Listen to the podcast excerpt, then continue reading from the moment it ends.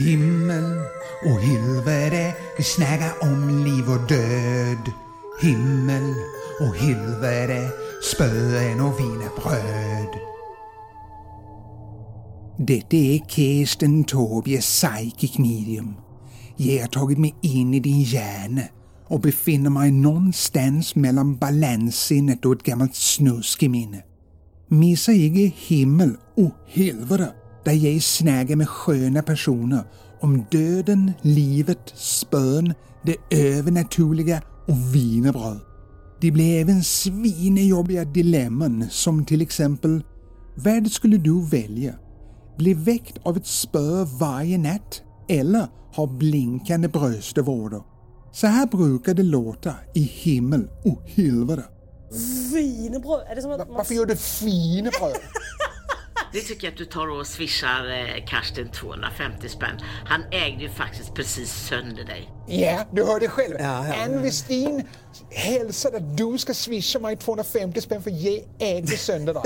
På en skala 1 till 10. Varför har ditt liv bara varit en tvåa? Jag heter Alexandra Rapp, Rapp. Slänger du dig hellre framför en buss Ja, än att se någonting jag har gjort?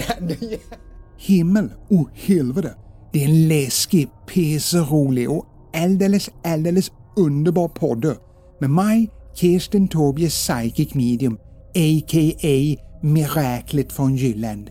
Himmel och helvete. Nytt avsnitt varannan vecka.